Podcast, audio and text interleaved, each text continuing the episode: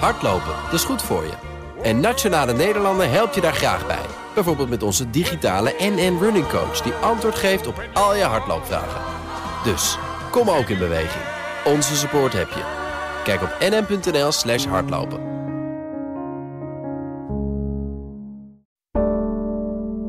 Een goedemorgen van het FD. Ik ben Pauline Zwuster en het is vrijdag 10 maart.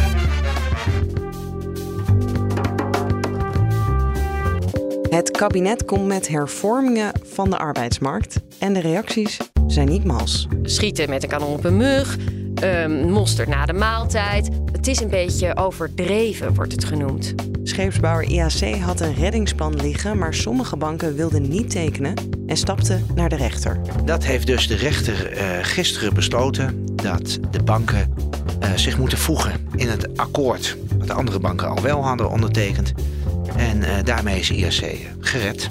En Nederland gaat nu in zijn eentje de export van ASML-machines naar China beperken. Je zou die het liefst achter de brede rug van Europa willen kunnen verschuilen. Dat maakt het lastiger voor China om alleen Nederland te pakken.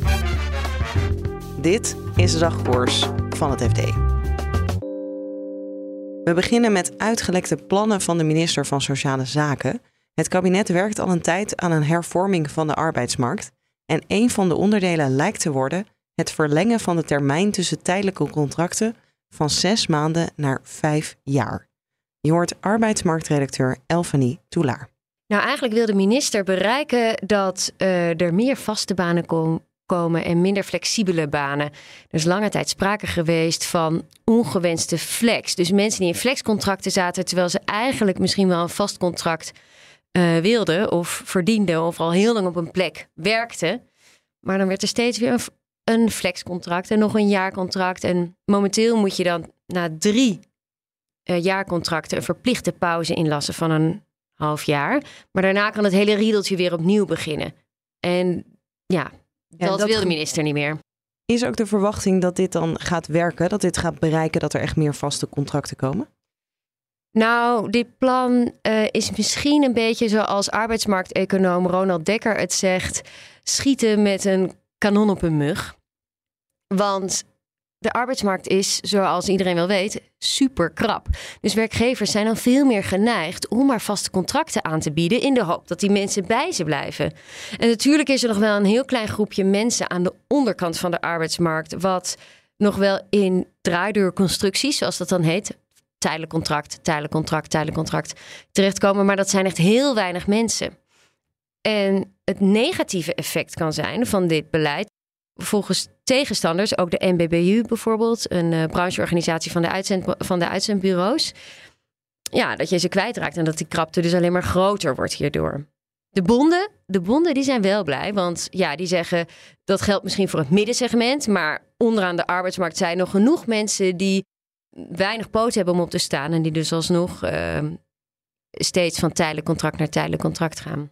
Maar als ik jou zo hoor, klinkt het wel een beetje alsof ze zo lang hebben gewacht met het aanpakken van die arbeidsmarkt. Dat het ook alle adviezen die er waren, we hebben ook nog de commissie Borslap gehad, dat het allemaal een beetje achterhaald is als ze daadwerkelijk iets gaan doen. Ja, Lien van der Leij en ik, die, uh, met, ik schreef het stuk met Lien, hebben allerlei experts gesproken. En er komen er allemaal van dat soort uitdrukkingen langs. Dus uh, schieten met een kanon op een mug, um, mosterd na de maaltijd. Al dat soort. Het is een beetje overdreven, wordt het genoemd. Want het schiet zijn doel voorbij. En wat is de status van deze plannen? Hoeveel weten we al over of dit daadwerkelijk gaat gebeuren? Nou, er wordt heel hard gewerkt op het ministerie van Sociale Zaken aan plannen om die hele arbeidsmarkt te hervormen. Afgelopen juli zijn er al wat plannen naar de Tweede Kamer gestuurd.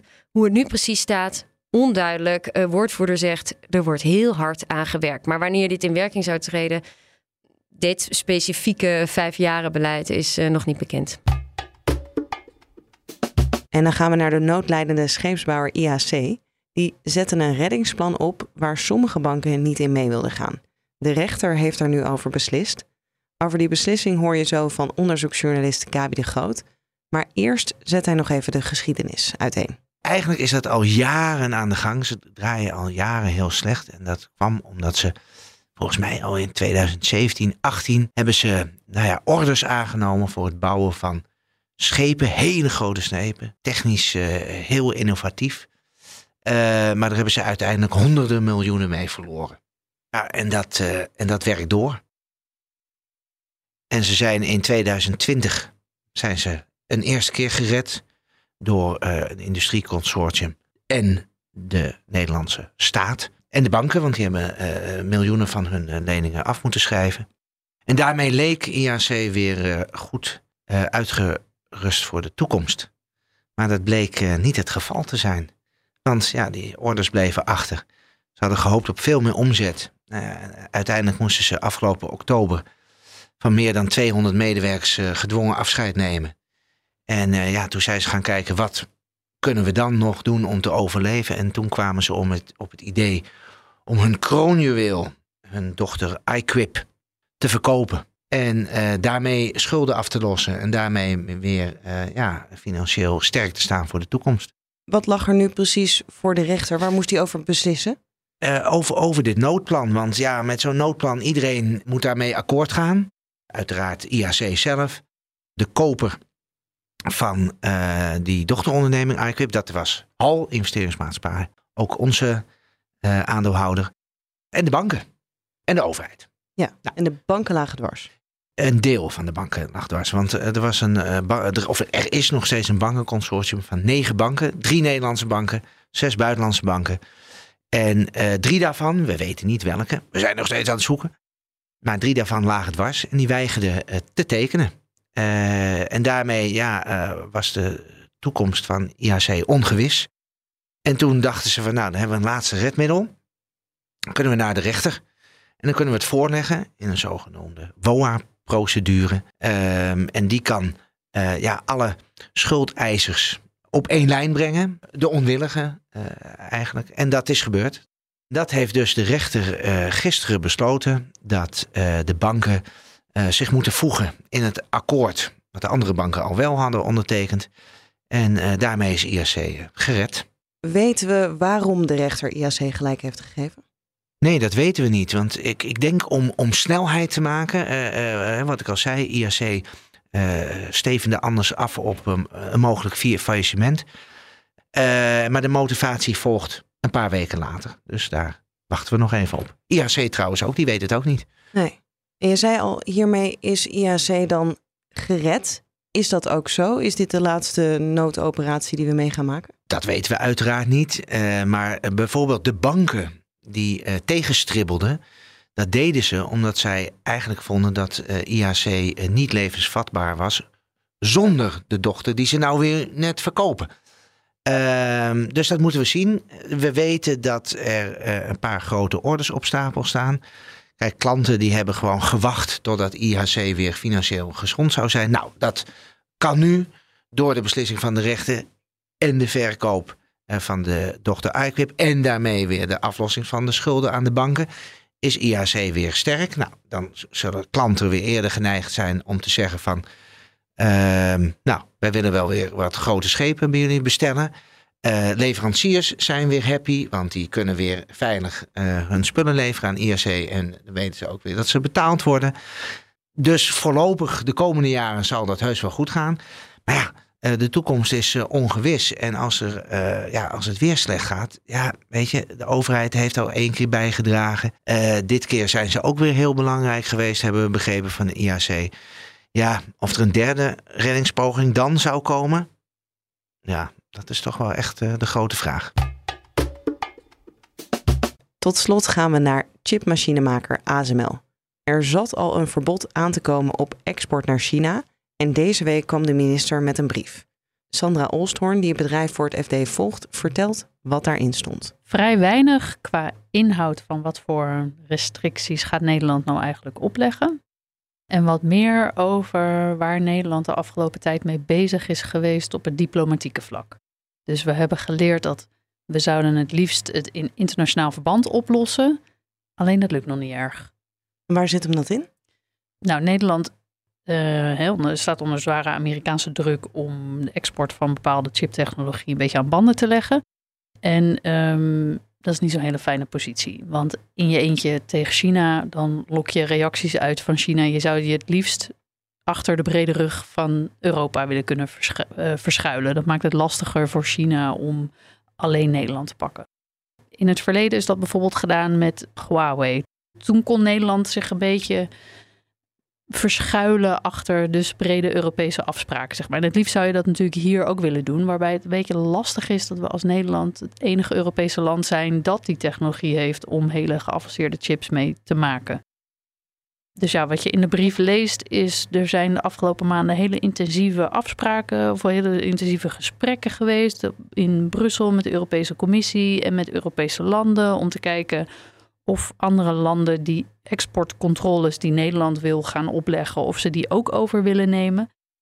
Maar in de brief lezen we wel dat dat nog niet gelukt is. Nee, dus wij gaan nu in ons eentje optreden ja. tegen China, of in ieder geval om te zorgen dat die technologie daar niet heen gaat. Wat kunnen we dan wel, je zei al het is vrij sumier, maar wat kunnen we dan, wat weten we nu over wat er niet gaat gebeuren, wat we gaan veranderen?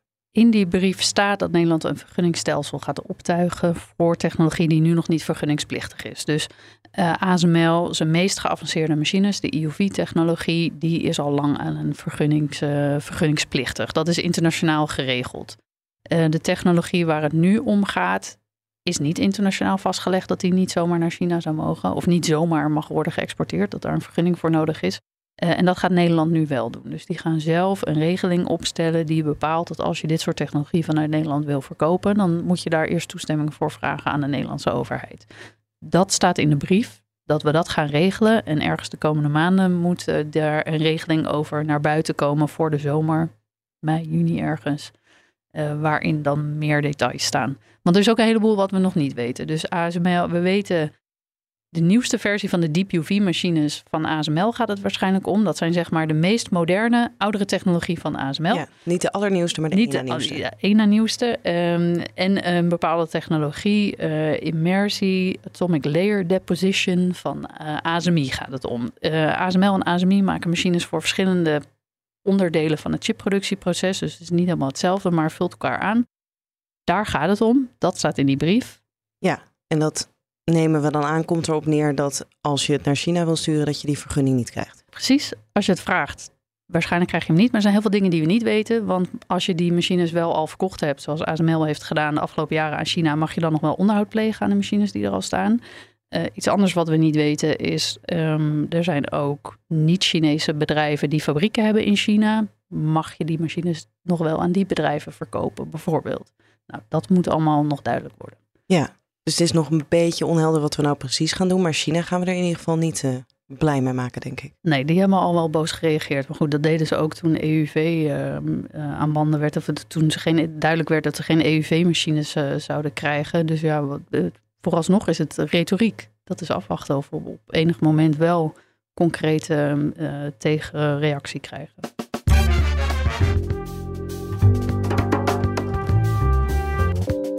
Dit was de dagkoers van het FD. Morgen vind je in deze feed onze weekendpodcast De Week voorbij. En die gaat over de provinciale statenverkiezingen en de Eerste Kamer. Maandagochtend staat er weer een verse dagkoers voor je klaar. Vergeet je niet te abonneren, dan krijg je die automatisch binnen. Alvast een heel fijn weekend en graag tot maandag. Business Booster. Hey ondernemer, KPN heeft nu Business Boosters. Deals die jouw bedrijf echt vooruit helpen. Zoals nu, zakelijk tv en internet, inclusief narrowcasting... de eerste 9 maanden voor maar 30 euro per maand. Beleef het EK samen met je klanten in de hoogste kwaliteit. Kijk op kpn.com businessbooster. Business Booster.